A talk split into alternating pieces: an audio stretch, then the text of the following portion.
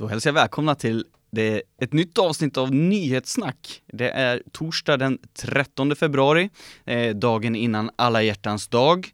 Eh, och vi har bytt sida eh, här i vårt lilla poddstudio.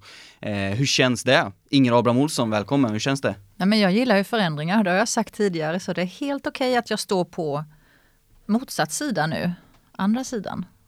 Ja men vad bra, Johan hur känns det för dig? Nordenström, välkommen! Ja, jag vill inte vara sämre egentligen, men jag tycker det känns lite konstigt ändå att ha flyttat över hit. Jag är inte helt bekväm än, men jag vänjer mig nog. Ja det var ju en litet spänne här som hade lossnat i, i Ingers förra mick och jag gillar ju att ha er framför mig så jag kan kolla på er och peka på er och domdera och gestikulera sådär. Och grejen är att vi vill ju ha koll på dig också. Ja, det är bra att någon har det. Då kör vi igång.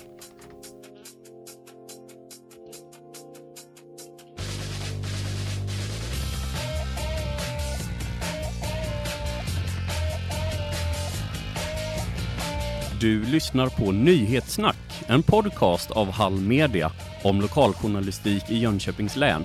Ansvarig utgivare Herman Nikolic.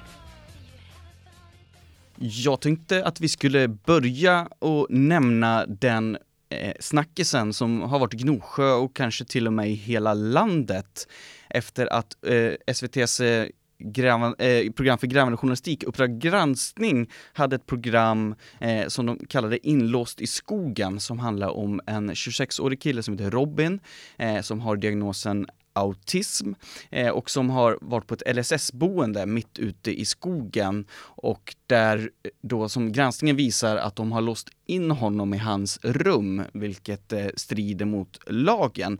Eh, har ni sett programmet, Inger? Ja, jag såg på det. Hur, hur, kände du när du såg det? Men jag blir beklämd för, av många skäl, men eh, alltså bara tanken på att man ska bo mitt ute i skogen ensam. Varför ska man göra så? Och sedan låsa in. Att, inte, att han uppenbarligen blir sämre, att man begränsar umgänget med familjen. Jag, jag såg inget, eh, det måste varit ett socialt experiment eller i det fördolda. Det återstår kanske att se. Johan, vad tänkte du när du såg det? Ja, jag reagerade också där på ungefär samma sätt som du säger Inger. Eh, jag har själv jobbat på ett boende med autistiska ungdomar och jag vet ju att där låser man ju inte in någon på det sättet. Sen reagerade jag också på det här med att, att familjen hade så svårt att, mm. att få komma dit. tyckte jag var mm. väldigt märkligt. Mm. En bror fick inte träffa honom överhuvudtaget och en syster då och då på deras villkor. Precis, det var faktiskt en story som, som SVT Jönköping eh, började kolla på redan i, i somras, eh, framgår det eh, i den granskningen, men som sen så Uppdrag granskning har tagit vidare och djupare. Och jag reagerar också lite grann, för Värnamo Nyheter har ju försökt få tag på eh, socialchefen Elisabeth Andersson, eh, och det gick ju inte. Eh, kort och gott kan man säga, i alla fall inte för en intervju. Eh, först så hänvisades då reportern på VN till kommunikationsavdelningen. Eh, och när, det är så, man, kan, man blir ju det eh, titt som tätt som journalist när man, när man söker svar på missförhållanden eller olika förehavanden. Eh, och men då kan man bli lite frustrerad för, för då kan jag uppleva att man, man ofta, eller ibland, eh, vissa gånger får ett friserat svar då från kommunikationsavdelningen när man egentligen vill eh, prata med den som är direkt ansvarig. Som ju då var socialchefen Elisabeth Andersson i det här, svar, i, i det här fallet. Eh, och hon gav bara svar på mail. hon ville ha frågorna i förväg och så, så gav hon skriftliga svar på mail. Eh, och det är ju ibland kan jag uttrycka mig att, att det kan vara i absoluta nödfall så kan man ju ta kommentarer eh, över sms eller mail, men man ska ju allra helst träffa personen i en intervju och i, ibland också av logistiska anledningar ta en telefonintervju. Eh, och när man får då ett svar via mail så är, begränsas ju eh, möjligheten att ställa motfrågor och se reaktioner och så vidare. Eh, och hon svarar ju också då, det hade man ju velat ha en motfråga på, att hon eh, kände att SVT, hon hade hoppats att SVT skulle göra ett objektivt program om om eh, den här Robin då, men det anser hon att eh, SVT inte har gjort eftersom båda sidor inte har fått komma till tals. Men i granskningen så har ju hon fått komma till tals, eh, där hon bland annat då säger att eh, i vissa fall att, att de har, eh, det här tilltaget de att låsa in honom har de bara velat göra i vissa eh, nödfall och att även eh, IVO har sanktionerat att de kan göra det i vissa eh, nödfall, vilket då den här handläggaren på IVO har tillbakavisat. Eh, det var lite grann mina tankar kring, kring det här. Det, det kommer ju såklart bli eh, ytterligare mer om det här framöver. Ja, nej, men jag håller med där med mejlsvar. Jag tycker att det blir också allt vanligare att större företag eller myndigheter väljer att svara på det sättet. Men jag tycker att de själva skulle tänka till också att det blir inte alltid, det blir inte alltid så bra slutresultat när inte, för mordfrågor får ju också dem att utveckla sina svar. Så, så det brukar ju oftast då bli, bli bättre svar även från deras sida i slutändan.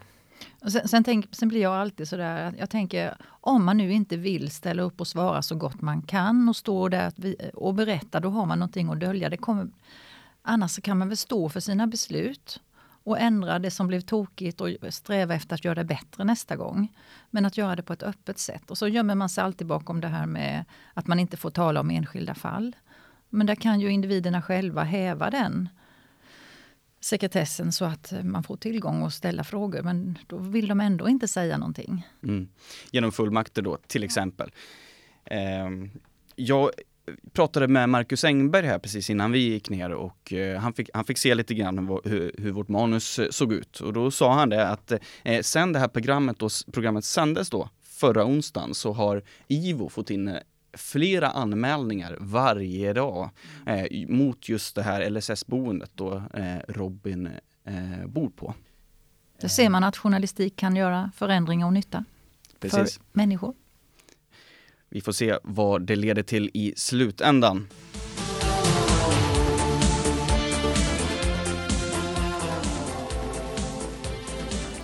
Ja, jag berättade ju här, eh, jag tror inte det var förra podden, men det var de podden innan det, att eh, jag kommer bli lite mer eh, sportinriktad i min journalistiska gärning här nu framöver. Det har varit en omorganisation här på Hallmedia och sådär.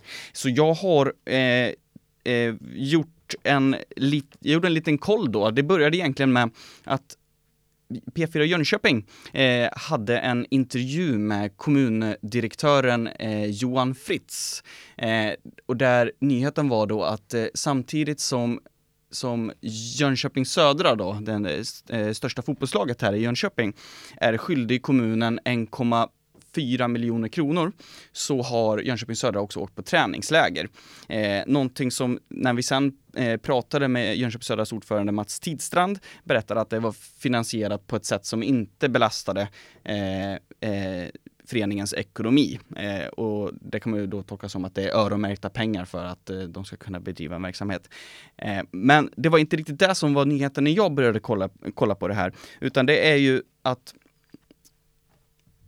Jönköping Södra har haft en ansträngd ekonomi och det sticker ingen under stolen med och de har det fortfarande. Eh, och det har ju lett till att de har haft eh, en dryg miljon i skatteskuld som reglerades dagen innan nyårsafton här nu för en dryg månad sedan. Eh, och de har ovanpå det haft eh, stora skulder till kommunen men framför allt till Elmia. Eh, ett eh, kommunalt ägt, ägt bolag då som ja, Elmia känner väl de flesta till. Eh, och i den här skulden då, som är på 1,4 miljoner, så har, så har J Södra och kommunen suttit i samtal i och förhandlat i eh, om en avbetalningsplan. Men bortanför det så har Elmia då som har som, eh, eh som J Södra är skyldig mest pengar, alltså 1,2 miljoner nästan, eh, gått bakom de här samtalen och skickat in då den här skulden till inkasso. Eh, det var ju jag som skrev den här och ni har tagit del av den. Eh, vi ska ju gå vidare med det här men nu har jag hållit låda så länge så jag tänker att ni ska få eh, komma in här också. Vad säger du Inger? Om eh, J Södras skuld just, hur de hanterar det? Ja precis. Eller Elmia? Ja, lite, lite båda. Ja. Nej men J Södra måste ju reda ut sin ekonomi, det förstår jag. De kämpar ju med näbbar och klor för att kunna göra det och erbjuder företagare att sponsra och de vill sälja platser. Det, det jag fascinerades av när jag läste det senast var ju hur de hade agerat med den här läktaren som de byggde på eget bevåg. För, det var en ståplatsläktare tror jag. Ja. Och, och, och, de byggde de den Eh, och så fick de ju hyresavdrag i kompensation. Och nu är man ju smart nog att sälja den där läktaren. Då får man ju in pengarna i alla fall. Så får man fått dubbla fördelar till klubben där. Precis, och det, då blir ju just den här försäljningen av den här ståplatsläktaren. Eh, det, och det är den ståplatsläktaren som är den östra läktaren blir det om jag kan mina väderstreck rätt och det kan jag. Eh, där Green Machine då, den eh, J Södra supporterklubb har eh, haft sitt hem under J Södras hemmamatcher. Både då under allsvenskan då från 2016 och 2017 men också nu 2018 och 2019. Ja, men jag tyckte jag reagerade på den, den nyheten också om att de ville sälja ståplatsläktaren till kommunen som ju ska bygga om deras arena. det tyckte jag var lite, lite spännande. Sen eh, eh, funderar jag bara på eh, hur, hur mycket pengar kan de få in på den där? Det, vet vi det? Nej, det vet vi ju inte än. Eh, och det är ju det som kanske är den stora frågan nu framöver i hur mycket kan de eh, skriva av skulden eh, till kommunen och Elmia genom försäljningen av den här läktaren. Eh, blir det en stor del eller blir det en liten del? Eh, men det lät i alla fall på ordförande Mats Tidstrand som att eh, han var ganska optimistisk i just det upplägget. Mm. Men jag, jag, tänker att så här, när jag läste det var jag tvungen att läsa det flera gånger. Så, sen är jag inte jag jätteinsatt i ekonomi och sådär, men jag tycker det låter lite märkligt att man då har, säljer någonting som kommunen ändå ska bygga om till kommunen. Ja, precis. Och Johan, du har ju bevakat eh, kommunfullmäktige och kommunbeslut och just eh, eh, arenafrågan har ju varit en följetong i ja, det beror på hur man räknar lite grann, men det kan sträcka sig flera decennier tillbaka till och med. Ja, precis. Jag minns ju, det var ju otroligt turbulent med eh, hemliga finansiärer, man riktade in sig på jordbron.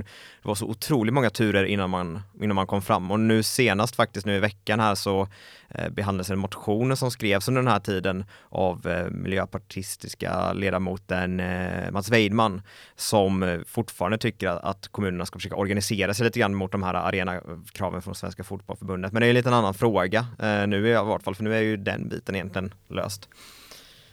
Så är det med motioner, de blir sena alltid, då är redan problemen lösta. Ja, han skrev det 2017 och då var det ju mm. långt innan det här var klart. Mm. Jag tänkte vi skulle ta en liten ny sväng på det här. Eh, och då går vi tillbaka till P4 Jönköpings nyhet i fredags. Eh, för då får eh, Magnus Sundvall, eh, han är sportreporter på Jönköpings-Posten, då får han mail från ett par läsare som undrar varför inte vi skriver om, eh, om det här. Och då undrar de om det är för att Mats Tidstrand som är ordförande i Jönköping Södra, det har vi avhandlat, eh, att han också är VD för Hallmedia som äger eh, Jönköpings-Posten.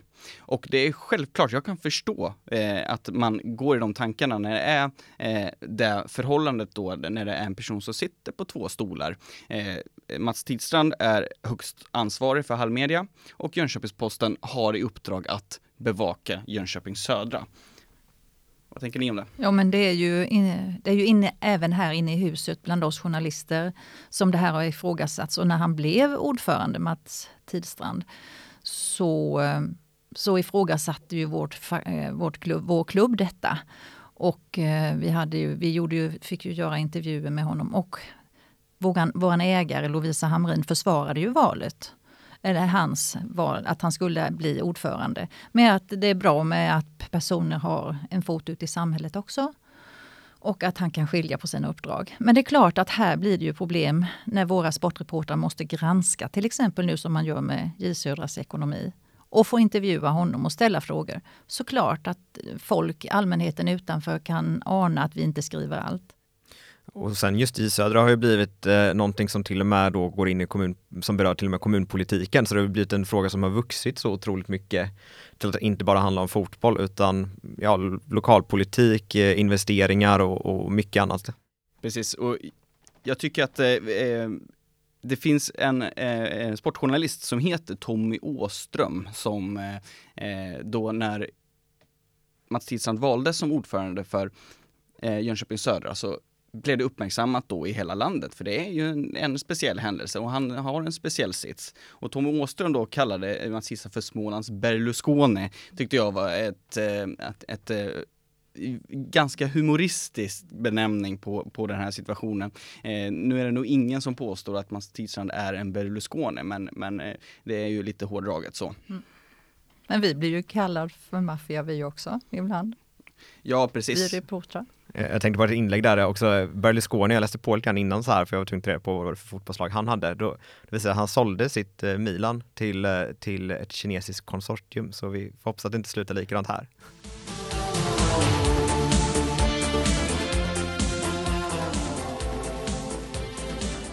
En liten glädjenyhet skulle, eh, som säkert många eh, tolkar som och kanske en hel del som lyfter på ögonbrynen. Eh, jag som har bott i Vetlanda, för mig låter det här helt logiskt och det handlar helt enkelt om Vetlanda motorstadion byter namn till Hasses motorstadion ett fantastiskt namn där det kanske kommer hållas lite internationella GP-tävlingar nu framöver och det blir Hasses som får eh, vara arenan för det.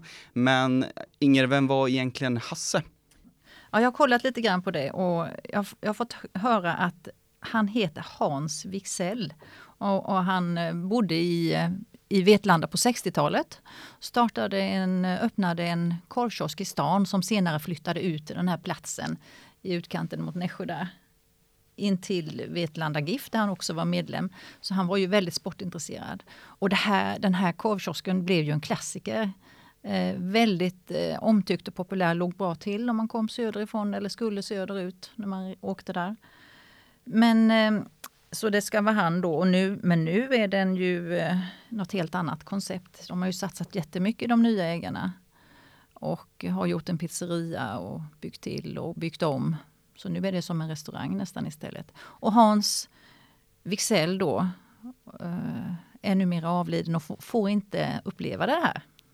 Och det har lite kommit bort det här tycker jag. Vem det var som, vem var Hasse? Ja, det är ju väldigt bra att vi kan lyfta då, mm. det då här i, mm. i, i Bara liksom hoppas att uppgiften stämmer. Mm. Hasse står frid vid hans minne, men vem, vem eller vilka är det som driver eh, gatuköket idag? Det är tre bröder från Nässjö. De heter Morad, Wahib och Josef. Och de eh, har drivit det i många år och de har sponsrat annan idrott också. När de nu ger sig på det här stora, hur mycket pengar det handlar om, det vill de ju inte säga någon av dem. Varken från styrelsen eller från det här företaget. Men i tre år ska de vara huvudsponsor det är ju, jag förstår att eh, många är glada och som du säger lyfter på ögonbrynen. Hoppas det går bra och att det kommer mer publik. Det var det de ville. Ja, så. Anledningen till att jag eh, bodde i Vetlanda, det var att jag pluggade på eh, Ädelfors folkhögskola ute i Holsbybrunn. Och då kunde vi till och med vara så att vi kunde ha lite så här eh, på helgerna då, vi som stannade kvar på internatet, att vi kunde ha lite så här dagsutflykt och då kunde vi bland annat åka till Hasses gatukök och oh, wow. ta oss en bit mat, wow. studenter som vi var. Det var en högtidlig måltid för oss.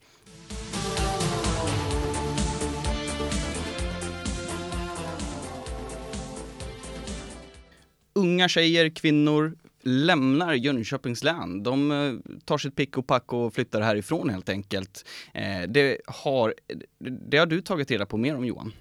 Ja, precis. Jag sa ju förra, ve eh, eller för, förra veckan när vi spelade in det här att jag skulle till jämställd, eller Forum Jämställdhet i Jönköping då. Eh, och där var det väldigt många olika intressanta ämnen. Eh, ett som jag tyckte var intressant som berörde hela länet var ju just det du sa här att uh, unga tjejer uh, mellan 19 och 25 år, uh, ja de tar sitt pick och pack och lämnar länet för att ja, bege sig mot eh, storstäderna. Eh, och eh, det här då hade en, eh, det var faktiskt eh, regionen som var lite bekymrad över detta för eh, en två år sedan och då tog in en genusforskare från Göteborg, Ulrika Jansson, som fick i uppdrag att eh, då ur, eh, ur, ur, ur ett nytt perspektiv då undersöka varför Eh, de här unga tjejerna sticker. Hon fokuserade på de mest så här, studiemotiverade, ambitiösa, var liksom målgruppen så här, varför, varför väljer de att flytta? Och det hon kom fram till med hjälp av djupintervjuer var att tjejerna redan tidigt började planera för att lämna. Och det beror på eh, traditionella könsroller i viss mån, alltså på, på, att man redan känner att vägen för, för kvinnor på vissa orter är utstakad till, till att vårda omsorg och så kanske de har helt andra ambitioner. Eh, så det lyftes fram som Gnosjöarnas baksida lite grann då, alltså att Gnosjöarna är något som man generellt sett är väldigt stolt över, men det bygger mycket på också företagsnätverk, eh, lågteknologiska företag som, som då kan göra att både studiemotiverade unga tjejer och också killar eh, då väljer att sikta in sig på, på de större städerna.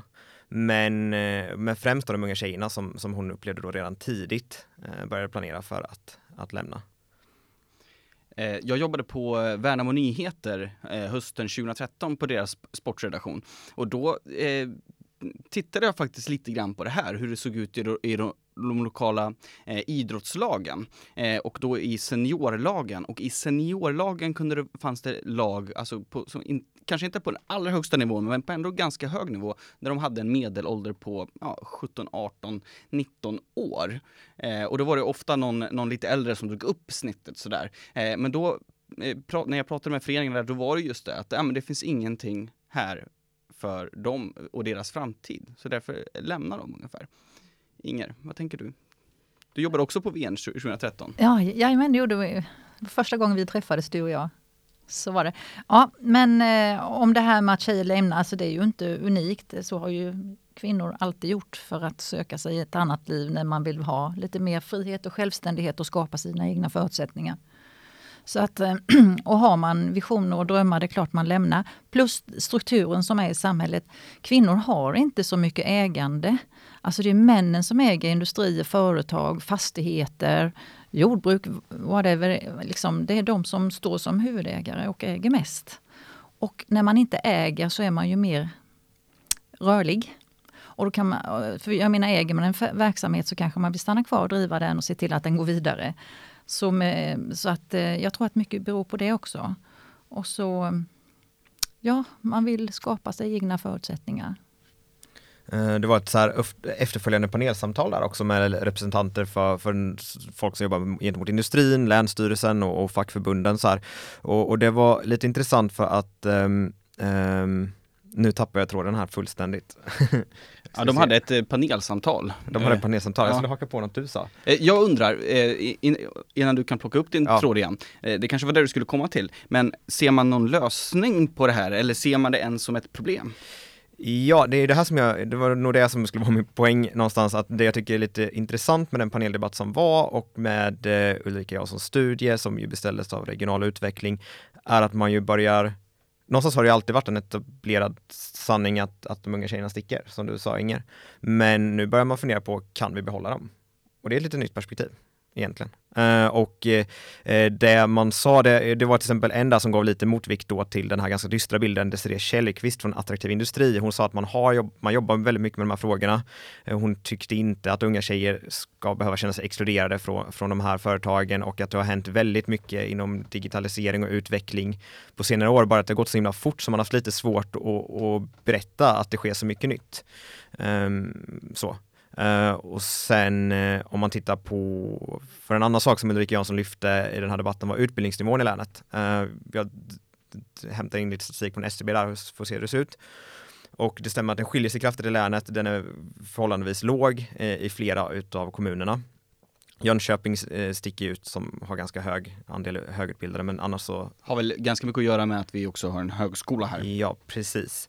Eh, och det här menar hon också kan bli ett problem för hon hade intervjuat, eh, tyckte det var rätt intressant, hon hade intervjuat en Chalmersstudent som var en kille som hade lämnat av samma skäl som de här tjejerna då att han hade andra ambitioner. Men hon sa att när han väl kommer tillbaka sen och då automatiserar industrierna här, vad, vad händer då med de här lågutbildade männen? Um, tyckte jag var lite intressant eh, tanke. Och samtidigt så kunde jag se när jag kollade på statistiken att eh, andelen högutbildade faktiskt börjat öka i alla kommunerna. Så att det finns ju, no det händer saker ute i samhället. Det, det, måste ju till så, för i och med att omvärlden kräver, alltså våra framtida jobb, vår framtida miljö med all teknik som ska in, det kräver ju högre utbildning. Så att eh, utbildningen måste ju redan nu satsa på att vi måste få fler som studerar och, och så. Och sen måste det ändå alltid finnas de som gör annat. Det är viktiga saker som man inte behöver så mycket utbildning för. Precis, alltså utbildningsnivån säger ju såklart inte alltid en indikation mm. på, på någonting, men den säger ju inte allt såklart heller.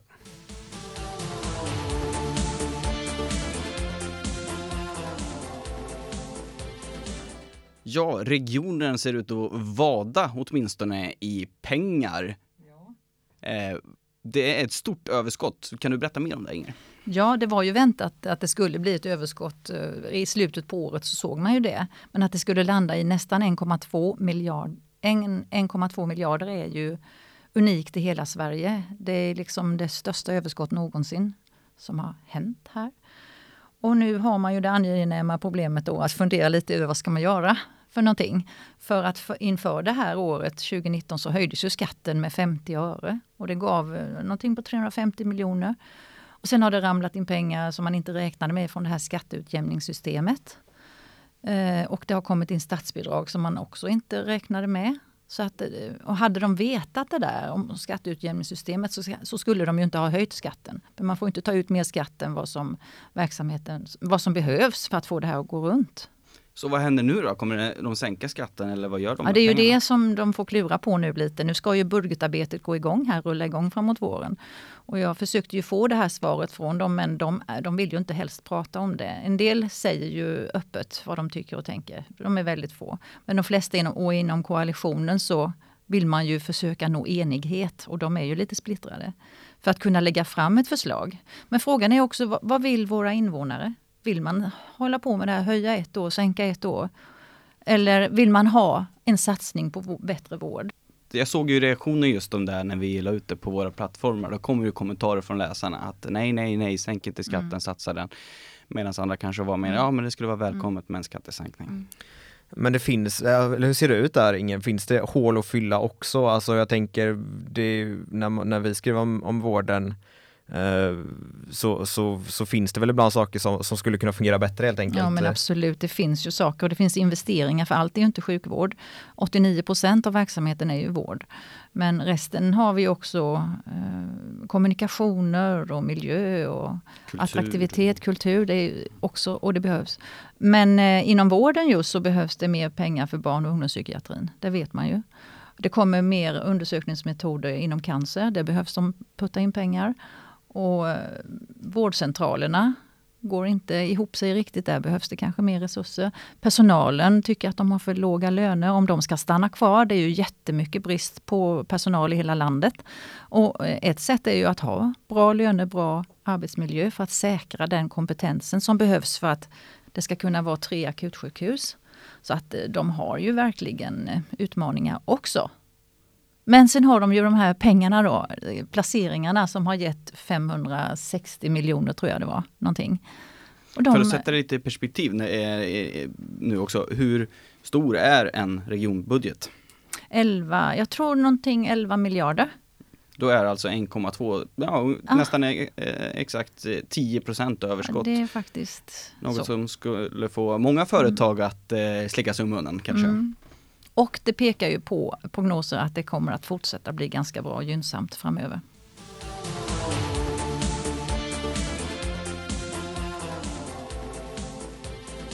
Ja, avslutande segmentet då i nyhetssnack är nyhetssnacks. Eh, och jag tänkte ta en lite mörkare, allvarlig bit med mig in i, det här, eh, i den här delen. Och det handlar om Eh, P1 Dokumentär, det är en, ett samarbete mellan P1 Dokumentär och Ekot där reportern Emily Rosén har gjort en dokumentärserie som heter Gamer.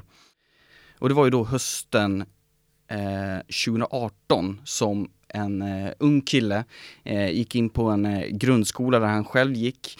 Eh, han var maskerad, han hade med sin kniv och han hade som mål att eh, döda personer då på den här grundskolan. Det var i Råslätt, Råslättsskolan.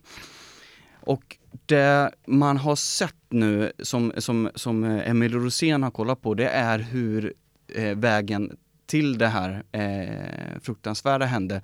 Eh, det, det, blev, eh, folk skadades men, men eh, ingen dog lyckligtvis då i den här händelsen, även om det var hans mål. Så hur han har formats till det här var, är att han eh, har suttit i en bubbla på internet där han har beskrivit dels om hans mående men också om hur han har planerat det och hur han har blivit påhejad från folk i, såna, eh, i en app som heter Discord som är ett, eh, ungefär som ett diskussionsforum Eh, Discord själva kallar, de, kallar sig själva för en kommunikationsapp. Men där det väldigt, finns väldigt många slutna servrar och sådär, hur han då har planerat det här. Eh, och den är, det, anledningen till att jag vill tipsa om den är att eh, eh lyssna på den så får man en liten inblick och en större förståelse på var unga hänger idag. Förr var det, var det eh, torg, gamla mackar eh, gatukök, eh, skogsdungar som man hängde och hade sina slutna sällskap. Idag är de på internet. Eh, utan eh, vuxnas eh, översyn på något sätt. Och det är alltså det som har format honom och eh, eh, nu har ju inte själva spelen i sig format honom utan det är ju just den här miljön som, som eh, kan, eh, kan, som visar och kan ha varit det som lett till honom. Det där. Sen så eh, är, ju, är ju inte vem som helst som går och gör sånt här utan det finns ju många underliggande orsaker också. Jag rekommenderar den, lyssna på Gamer. Och då undrar jag helt enkelt när jag eh, sagt det. Eh, Inger, vad har du med dig? Jag har något snällt med mig. Det är något snällt och fint och det är alla hjärtans dag imorgon. Ja. Eh, men jag tänker bara att man kan ju behöver kanske inte falla in det här med köpenskapens och trick för att vi ska köpa massa presenter och nallar med hjärtan på och allt vad det kan vara. Utan var lite mer snäll och lite vänlig mot varandra istället och visa att man tycker om varandra. Det går, det går att göra på andra sätt. Um, en uppmaning som jag tycker passar året om. Också. Ja, och jag tänkte bara säga, jag vill absolut inte ha något vad heter de här röda hjärtanen? Geléhjärtan. Geléhjärtan, låt mig slippa. Inga geléhjärtan Jag tycker inte om dem. Men väl en omtanke. Inte ens röda rosor alltså? Ja, jag, jag tar ju emot den. Men kan få den någon annan gång. Ja, nej, men jag håller med. Det kan man ha fler, fler, fler gånger om året. Inga geléhjärtan till nyhetssnacks, men eh, väl kärlek och omtanke. Tack Inger, det var fint. Johan? Ja, um, då siktar jag, ska jag sikta in mig på helgen här eh, i Luleå nu så är det Melodifestivalen. En, eh, och då har vi faktiskt en, eh, en från Jönköping som är med där, Faith Kakembo, som är narkossjuksköterska härifrån. Eh, Anette Svensson har skrivit om henne eh, i ett porträtt. Med, och, Vår eh, poddkollega här ja. som eh, inte är med just den här gången. Precis. Och eh, ja, hon, jag läste det här och det är en väldigt fascinerande person som har då både spelat fotboll länge och sen ägnat sig åt musik och hon kom trea i Piffra Nästas eh, Sverigefinal här, eh, när hon tävlade för länet här förra året. Och nu då ska hon upp och vara med i Melodifestivalen eh, då, eh, här. Och jag brukar inte själv kolla på Melodifestivalen, men jag kör på devisen så här, support your locals, så jag måste ju, jag får bänka mig där. Vi nästan börjar och avslutar med supporterskap här i, från, från J Södras eh, läktare till, eh, till Melodifestivalen. Tack så mycket Johan och tack för att du var med i den här veckans avsnitt av Nyhetssnacks. Tack så mycket. Inger Abraham mm. Olsson, du får lite kärlek och omtanke från mig här nu. Ah. Ja, tack så mycket för att du var med. Tack själv. Eh, och jag heter Joel Jonsson eh, och vi hörs igen om två veckor. Och det som har klippt det här är Sofia Magasanik och eh, där kan vi ju hälsa ett litet grattis också för att hon har blivit nominerad till eh, Årets unga ledande kvinna. Och eh, tack Sofia också för att du klipper den här podden och gör det så himla bra. Om ni som lyssnar har några synpunkter på vad vi pratar om, hur vi pratar eller vad vi ska ta upp så skicka gärna ett mejl till nyhetssnack hallmedia.se se. Tack så mycket, vi hörs igen om två veckor.